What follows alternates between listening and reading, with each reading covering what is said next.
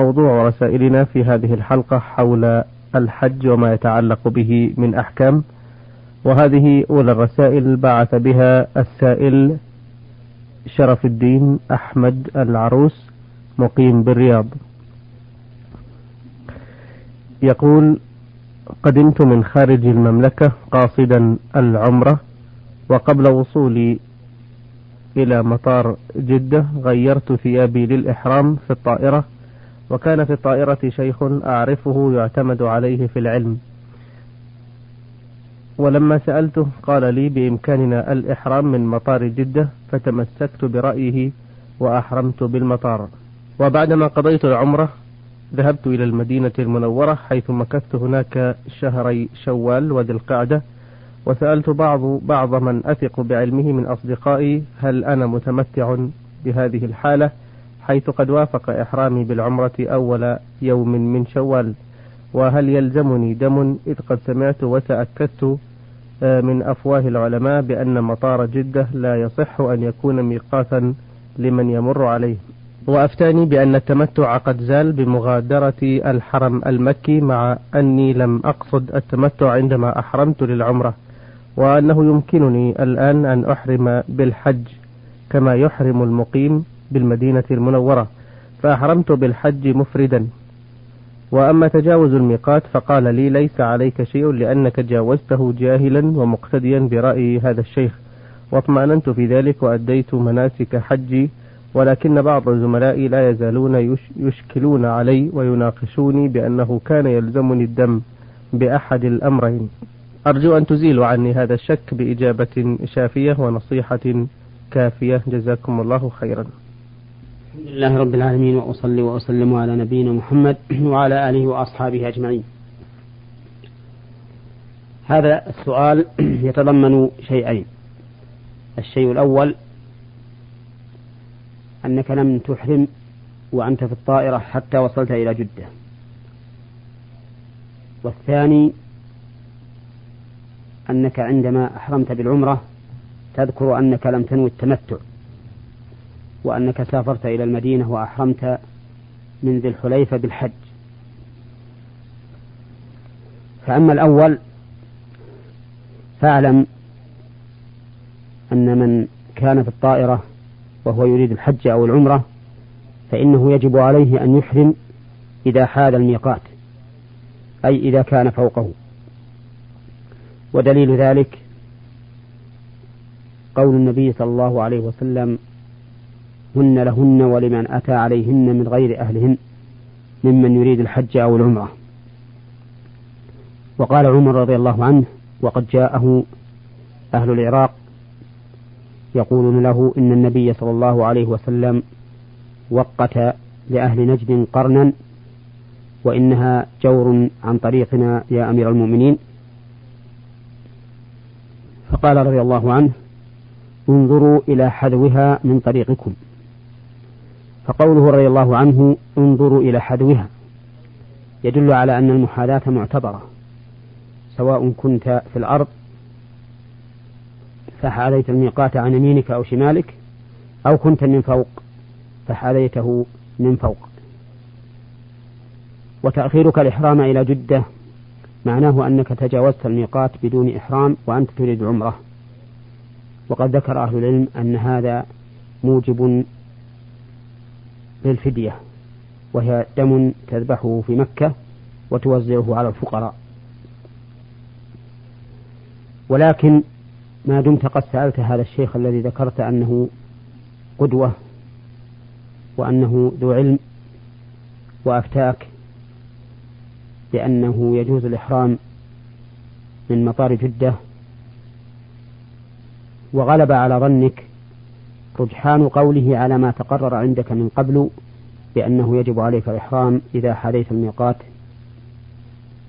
فإنه لا شيء عليك لأنك أديت ما أوجب الله عليك. في قوله تعالى فاسألوا أهل الذكر إن كنتم لا تعلمون ومن سأل من يظنه أهلا للفتوى فأفتاه فأخطأ فإنما إثمه على من أفتاه. أما هو فلا يلزمه شيء لأنه أتى بما أوجب الله عليه. وأما الثاني وهو أنك ذكرت أنك لم تنوي التمتع وسافرت إلى المدينة وأحرمت بالحج من أبي من الحليفة أي من أبيار علي فإنه يجب أن تعلم أن من قدم إلى مكة في أشهر الحج وهو يريد أن يحج فأتى بالعمرة قبل الحج فإنه متمتع. لأن هذا هو معنى التمتع. فإن الله تعالى يقول فمن تمتع بالعمرة إلى الحج فما استيسر من الهدي. ومعنى ذلك أن الإنسان إذا قدم مكة في أشهر الحج وكان يريده فإن المفروض أن يحرم بالحج ويبقى على إحرامه إلى يوم العيد. فإذا أتى بعمرة وتحلل منها صدق عليه أنه تمتع بها أي بسببها إلى العمرة إلى الحج أي إلى أن أتى وقت الحج. ومعنى تمتع بها أنه تمتع بما أحل الله له حيث تحلل من عمرته فأصبح حلالا الحل كله يتمتع بكل محظورات الإحرام. وهذا من نعمة الله سبحانه وتعالى أنه خفف عن العبد حتى أباح له أن يحرم بالعمرة في أشهر الحج ليتحلل منها ويتمتع بما أحل الله له إلى أن يأتي وقت الحج. وعلى هذا فما دمت قادما من بلادك وأنت تريد الحج وأحرمت بالعمرة في أشهر الحج فأنت متمتع سواء نويت أنك متمتع أم لم تنوي لأن هذا الذي نويته هو حقيقة التمتع. وسواء بقي في مكة بقي أن يقال نعم. بقي أن يقال هل سفرك إلى المدينة مسقط بالهدي عنك أم لا؟ فهذه المسألة فيها خلاف بين أهل العلم فمنهم من يرى أن الإنسان إذا سافر بين العمرة والحج مسافة قصر انقطع تمتعه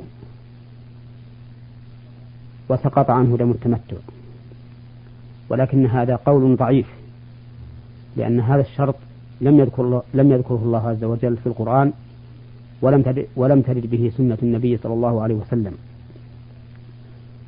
وعلى هذا فلا يسقط الدم إذا سافر المتمتع بين العمرة والحج إلا إذا رجع إلى بلده. فإنه إذا رجع إلى بلده انقطع سفره برجوعه إلى بلده وصار منشئا للحج سفرا جديدا غير سفره الأول وحينئذ يسقط عنه هدي التمتع لأنه في الواقع أتى بالحج أتى بالحج في سفر جديد غير السفر الأول. فهذه الصورة فقط هي التي يسقط بها هدي التمتع لأنه لا يسقط عليه لا لا يصدق عليه أنه تمتع بالعمرة إلى الحج حيث إنه انقطع حكم السفر في حقه. وأنشأ سفرا جديدا في في حج لحجه. نعم. بارك الله فيكم. آه هذه رسالة من المستمع عبد الرحمن عبد الهادي العتيبي من البجادية. يقول ما مدى صحة الحديث الذي معناه أن من أراد أن يضحي أو يضحى عنه فلا يأخذ من شعره أو ظفره شيئا حتى يضحي؟ وذلك من أول أيام عشر ذي الحجة. وكيف ذلك وما هي الأشياء التي يمتنع من سيضحي عن فعلها وهل هذا النهي يصل إلى درجة التحريم أم أنه للاستحباب وهل وهل يلتزم به المقيم والحاج على السواء أم هو خاص بالمقيم دون الحاج؟ هذا الحديث صحيح رواه مسلم. وحكمه التحريم.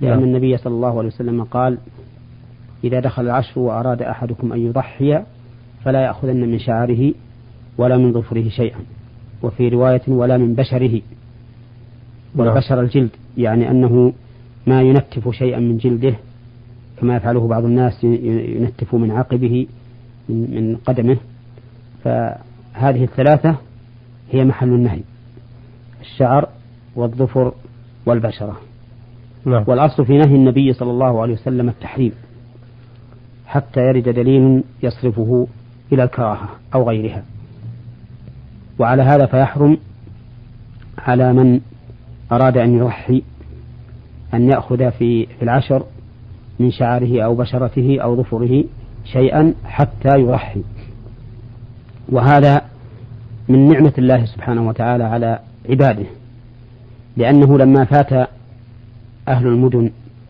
والقرى والأمصار لما فاتهم الحج والتعبد لله سبحانه وتعالى بترك الترفه شرع لمن في الأمصار هذا الأمر شرعه لهم ليشاركوا الحجاج في بعض ما يتعبدون لله تعالى بتركه نعم يعني هذه الحكمة و... من تشريع نعم. نعم وإنما قلت ذلك لأنه لا يجوز للإنسان أن يتعبد بترك شيء أو بفعل شيء إلا بنص من الشرع. فلو أراد أحد أن يتعبد لله تعالى في خلال عشرة أيام بترك تقليم الأظفار أو الأخذ من شعره أو بشرته لو أراد أن يتعبد بدون دليل شرعي لكان مبتدعا آثما. فإذا كان بمقتضى دليل شرعي كان مثابا مأجورا لأنه تعبد لله تعالى بهذا الترك وعلى هذا فاجتناب الإنسان الذي يريد أن يضحي الأخذ من شعره وبشرته وظفره يعتبر طاعة لله ورسوله مثابا عليها. وهذه من نعمة الله بلا شك. وهذا الحكم إنما يختص بمن أراد أن يضحي فقط. أو يضحى. عنه. أما, أما من يضحى عنه فلا حرج عليه أن يأخذ. لا حرج عليه. وذلك لأن الحديث إنما ورد وأراد أحدكم أن يضحي فقط فيقتصر على ما جاء به النص. ثم إنه قد علم أن الرسول عليه الصلاة والسلام كان يضحي عن أهل بيته ولم ينقل أنه كان ينهاهم عن أخذ شيء من شعورهم وأبصارهم وأبشارهم. فدل هذا على أن هذا الحكم خاص بمن يريد أن يضحي فقط. ثم إن المراد من أراد أن يضحي من نفسه. لا من أراد أن يضحي وصية لآبائه أو أجداده أو أحد من أقاربه فإن هذا ليس مضحيا في الحقيقة ولكنه وكيل لغيره فلا يتعلق به حكم الأضحية. ولهذا لا يثاب على هذه الأضحية ثواب المضحي إنما يثاب يثاب عليها ثواب ثواب المحسن الذي أحسن إلى أمواته وقام بما بتنفيذ وصاياهم. ثم إنه نسمع من كثير من الناس من العامة أن من أراد أن يضحي وأحب أن يأخذ من شعره أو من أو من ظفره أو من بشرته شيئا يوكل غيره في في التضحية وتسمية الأضحية. ويظن أن هذا يرفع عنه النهي وهذا خطأ. فإن الإنسان الذي يريد أن يضحي ولو وكل غيره لا لا يحل له أن يأخذ شيئا من شعره أو بشرته أو ظفره. ثم إن بعض النساء في هذه الحال يسألن عمن طهرت في أثناء هذه المدة وهي تريد أن تضحي. نعم. فماذا تصنع في رأسها؟ نقول له نقول لها تصنع في رأسها أنها تنقضه وتغسله وترويه ولا حاجة إلى تسريحه وكده فإنه لا ضرورة إلى ذلك. نعم. نعم. لأن التمشيط قد يؤدي إلى سقوط الشعر أو إيه نعم. نعم نعم وكذلك هذا الحكم أيضا بالنسبة للرجل وكذلك بالنسبة للرجل نعم. ما ينبغي أن يسرح شعره أو يكده في هذه الأيام وهو يريد أن يضحي نعم. وأما قول السائل هل هذا خاص بأهل, بأهل الأمصار أو نعم. بالذين يحجون أيضا فنقول إن الحاج إذا اعتمر فلا بد له من التقصير فيقصر ولو كان يريد أن يضحي في في بلده لأنه يجوز للإنسان أن إذا كان له عائلة لم تحج أن يشتري لهم أضحية أو يوكل من يشتري لهم أو يوكل أحدا من إخوانه أو أولاده في أن يشتري له ضحية ويضحي عنه وعن أهل بيته. وفي هذه الحال إذا كان معتمرا فلا حرج عليه أن يقصر من شعر رأسه لأن التقصير في العمرة نسك. نعم. نعم. يقول أيضا ما هي العيوب التي تكون في بعض البهائم ولا تجعلها صالحة للأضحية؟ وما هو أول وقت للذبح وآخره؟ وهل يجزئ أن يذبح عن الإنسان غيره ولو لم يذكر أنها عن فلان؟ العيوب التي تمنع من الإجزاء بينها النبي عليه الصلاة والسلام في حديث البراء بن عازم بن عازب بن عازب رضي الله عنه. قال عليه الصلاة والسلام أربع لا تجوز في الأضاحي. المريضة البين مرضها والعوراء البين عورها والعرجاء البين ضلعها والكبيرة أو الكثيرة أو العجفة التي لا تنقي التي لا مخ فيها. هذه هي العيوب الأربعة التي تمنع من من الإجزاء ولا يجوز التضحية إذا كانت البهيمة متصفة بها. وما كان بمعناها أو مثلها فهو مثلها في الحكم. فالعورة البين عورها هي التي يتبين لمن رآها أنها عورة بحيث تكون العين ناتئة أو غائرة أو عليها بياض بين يتبين لمن رآها أنها عورة. فأما إذا كانت العين قائمة وهي لا تبصر بها فإنها لا لا تمنع من الإجزاء. وأما المريضة بين مرضها فهي التي يظهر عليها آثار المرض وأعراض المرض بأن تكون غير نشيطة ولا تأكل وحارة وما أشبه ذلك مما يستدل به على مرضها. والعرجاء البين ضلعها قال أهل العلم إنها هي التي لا تستطيع المشي مع الصحيحة. وأما التي تستطيع المشي مع الصحيحة وتباريها وإن كانت تعرج فإنها لا بأس بها. وأما الهزيلة التي لا مخ فيها فهي التي لا يكون في أعضائها مخ لأنها تكون غالبا غير طيبة اللحم فلهذا نهى عنها النبي عليه الصلاة والسلام. ومثلها مثل العورة العمياء لا تجزي في الأضحية. ومثل العرجاء بين ضلعها ما قطعت إحدى أعضاء أعضائها. و وكذلك لو كانت زمنة لا تمشي أبدا فإنها لا لا, لا تجزي. ومثل المريضة بين مرضها؟ الحامل إذا أخذها الطلق. يعني إذا كانت تتولد ولا يعلم هل تحيا أو تموت فإنها لا تجزي حتى تنجو. قال أهل العلم ومثل ذلك أيضا التي بشمت. من تمر أو غيره بشمت فإنها لا تجزي حتى تفلط لأنها معرضة معرضة للخطر. بشمت يعني أكلت؟ يعني أكلت تمرا نعم. وانبشمت بحيث انسد دبرها فلا يتنفس وينتفع بطنها. نعم. نعم. فهذه وأمثالها لا تجزي. آه، مجدوعة الأذن أو أما ما كان فيها عيب في أذنها نعم.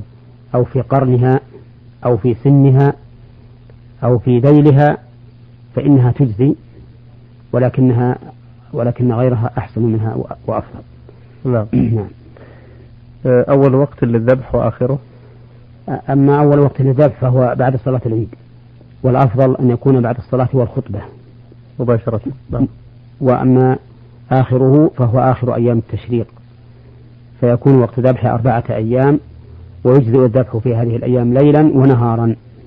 في أي وقت شاء نعم.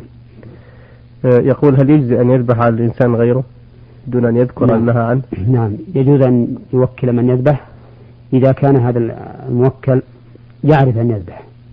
والأفضل في هذه الحال أن يحضره أن يحضر الذبح من هي له. والأفضل أن يباشر ذبحه هو بيده إذا كان يحسن. نعم.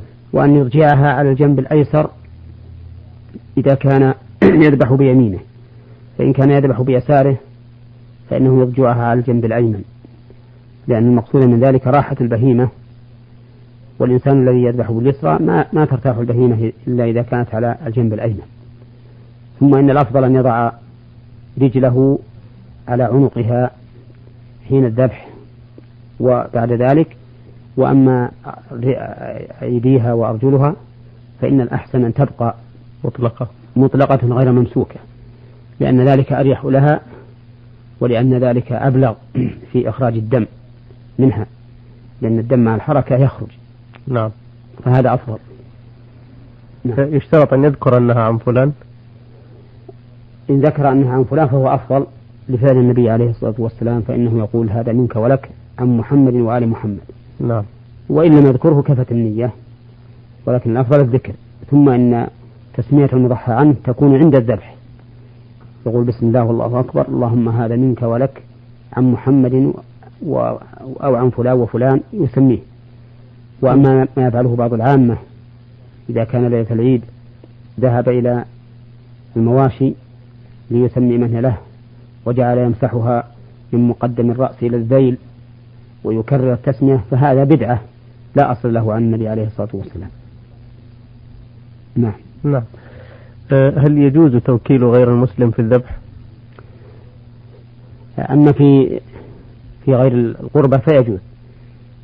في غير القربة يعني يعني في غير الأضحية؟ في غير الأضحية والهدي. نعم. وأما في الهدي والأضحية ف... فلا أدري عنه. هي في الواقع أعتقد أنها عبادة يعني من العبادات. معلوم أنها عبادة نعم يعني إذا لكن, لكن هذه العبادة فيها نوع من عبادة المال نعم. وتوكيل غير المسلم في هذا. المهم نرجع إليه ونجيب عنه في جواب آخر. إن شاء الله. نعم. آه أيضا يقول هل تستحب الأضحية عن الأموات كما هي بالنسبة للأحياء حتى لو لم يوصوا بها أم أنها عبادة خاصة بالأحياء فقط؟ إلا من أوصى من الأموات. الذي نرى أن الأضحية مشروعة في حق الأحياء فقط. نعم. لأن هذا هو الوارد عن النبي صلى الله عليه وسلم. فهي عن الأحياء فقط. إلا إذا أوصى بها الميت فإنها تفعل عنه. وذلك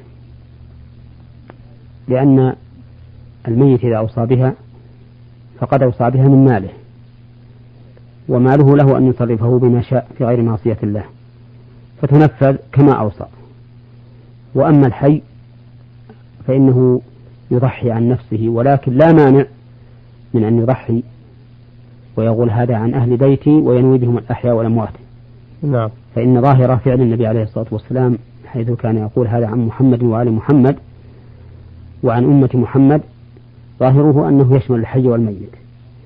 أما أن يضحي عن الميت خاصة فهذا لم يرد عن النبي عليه الصلاة والسلام. وقد مات بنات النبي ماتت بنات النبي صلى الله عليه وسلم في, في عهده ثلاث بنات من بناته في عهده ولم يضحي عنهن وماتت زوجته خديجة وهي من أحب نسائه إليه ولم يضحي عنها. ومات استشهد عمه حمزة رضي الله عنه ولم يضحي عنه. ولو كان هذا من الأمور المشروعة لكان الرسول عليه الصلاة والسلام يشرعه لأمته إما بقوله وإما بفعله وإما بإقراره. ولما لم يكن شيء من ذلك علم أنه ليس بمشروع. ولكن مع هذا لا نقول إنه محرم أو أنه بدعة أو أنه لا يجوز. نعم. لأنه أشبه ما يكون بالصدقة كما قاس بعض أهل العلم الأضحية عن الميت بالصدقة عنه. والصدقة عن الميت قد ثبتت بها السنة. نعم. آه، إذا اشترى إنسان آه، ذبيحتين يقصد إحداهما للأضحية والأخرى آه، لحما. ف يعني يشترط أن يعين التي سيضحي بها بعينها ولا يجوز له تبديلها بالأخرى؟ لا لا ليس بشرط. نعم. والذي ينبغي أن لا يعين الذي ينبغي للإنسان أن لا يعين الأضحية إلا عند ذبحها. لأجل أن يكون حرا في تبديلها وتغييرها فإذا أراد أن يذبحها يقول هذه أضحية فلان أضحية عني وعن أهل بيتي أو عن نعم. فلان الذي أوصى بها وما أشبه ذلك. ولو حصل وعينها؟ لو حصل وعينها تعينت. ولا يجوز له تبديلها؟ وإذا تعينت فإنها يتعلق بها حكم الأضحية ويجب عليه تنفيذها. وقد ذكر بعض أهل العلم أنه إذا ابدلها بخير منها فلا حرج. نعم. نعم. جزاكم الله خيرا. آه هذا سؤال من المستمع. ميم ألف خاء من مكة المكرمة. يقول أنا أعمل في قوة الحج والمواسم في مكة المكرمة ولا يسمح لنا في عملنا بإجازة لأداء فريضة الحج. فهل يحق لي أن أغيب بدون إذن أو أن أؤدي فريضة الحج مع العلم بأني لم أحج حجة الفريضة؟ وقد سألت بعض العلماء فقالوا لي إنه لا يجوز لي الحج بدون إذن من مرجعي. فهل هذا صحيح أم لا؟ أفيدونا ولكم جزيل الشكر. نعم هذا صحيح. فإن نعم. الإنسان الموظف ملتزم بأداء وظيفته حسب ما يوجه إليه. وقد قال الله تعالى وأوفوا بالعهد إن العهد كان مسؤولا. وقال تعالى يا أيها الذين آمنوا أوفوا بالعقود. فالعقد الذي جرى بينك وبين الدولة عهد يجب عليك أن توفي به على حسب ما يوجهونك به. ولكني أرجو أن يكون للمسؤولين في هذه الأمور نظر بحيث يوزعون هؤلاء الجنود جنود المرور وجنود الأمن جنود المطافئ وغيرهم ينظمونهم بحيث يكون إذا أمكن لبعضهم فرصة أن يؤدوا الحج في هذا العام وللبعض الآخر فرصة أن يؤدوه في العام الآخر وهكذا حتى يتم للجميع أداء الفريضة.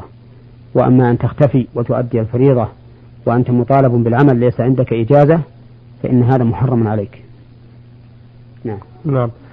آه هذه السائلة أم إبراهيم من بغداد بعثت آه تقول أدينا فريضة الحج أنا وزوجي للعام الماضي والحمد لله فقد أدينا المناسك جميعا عدا طواف الإفاضة. بالنسبة لي فقط. وأنا والحمد لله في كامل صحتي وقوتي ولكن لشدة الزحام وخوفا من أن يغمى علي.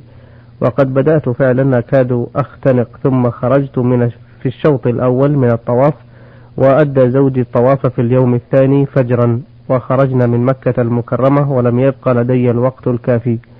أفيدوني أثابكم الله ماذا يجب علي أن أفعل بعد هذه المدة؟ وأنا أنتظر جوابكم. الحقيقة أن هذه المسألة من المسائل الهامة التي لا ينبغي تأخير السؤال عنها إلى مثل هذا الوقت بعد مضي أحد عشر شهرا من الحج إن كنت أديته في العام الماضي أو أكثر إن كنت أديته قبل ذلك. نعم. ومثل هذه الحال على حسب ما نعرفه من كلام أهل العلم ما زلت على حج على حجك لأن طواف الإفاضة ركن لا بد منه. ولهذا لما قيل للنبي عليه الصلاة والسلام إن صفية رضي الله عنها حائض قال أحابستنا هي. ولو كان أحدا ينوب عن أحد في طواف الإفاضة ما كان هناك حبس لأمكن أن يطاف عن صفية و و ولا يقول الرسول عليه الصلاة والسلام أحادثتنا هي. وعلى هذا فأنت لا تزالي في الحج. والواجب عليك الآن أن تذهبي إلى مكة وأن تؤدي هذا الركن الذي فرضه الله عليك. في قوله تعالى ثم ليقضوا تفتهم وليوفوا نذورهم وليطوفوا بالبيت العتيق. وهو أيضا على قواعد أهل العلم بل على ما جاءت به السنة أيضا من أن التحلل الثاني لا يحصل إلا بطواف الفرض والسعي تعتبرين لم تحل التحلل الأول. فنسأل الله أن يعيننا وإياك. هذا ما نراه في هذه المسألة وإن رأيت أن تستفتي غيرنا في هذا فلا حرج. نعم. جزاكم الله خيرا. أيها الإخوة الأعزاء كان سؤال الأخت أم إبراهيم من بغداد آخر الأسئلة التي استعرضناها في حلقتنا اليوم وسبقه رسالة الأخ شرف الدين أحمد العروس مقيم بالرياض والأخ عبد الرحمن عبد الهادي العتيبي من البجادية والأخ ميم ألف خاء من مكة المكرمة.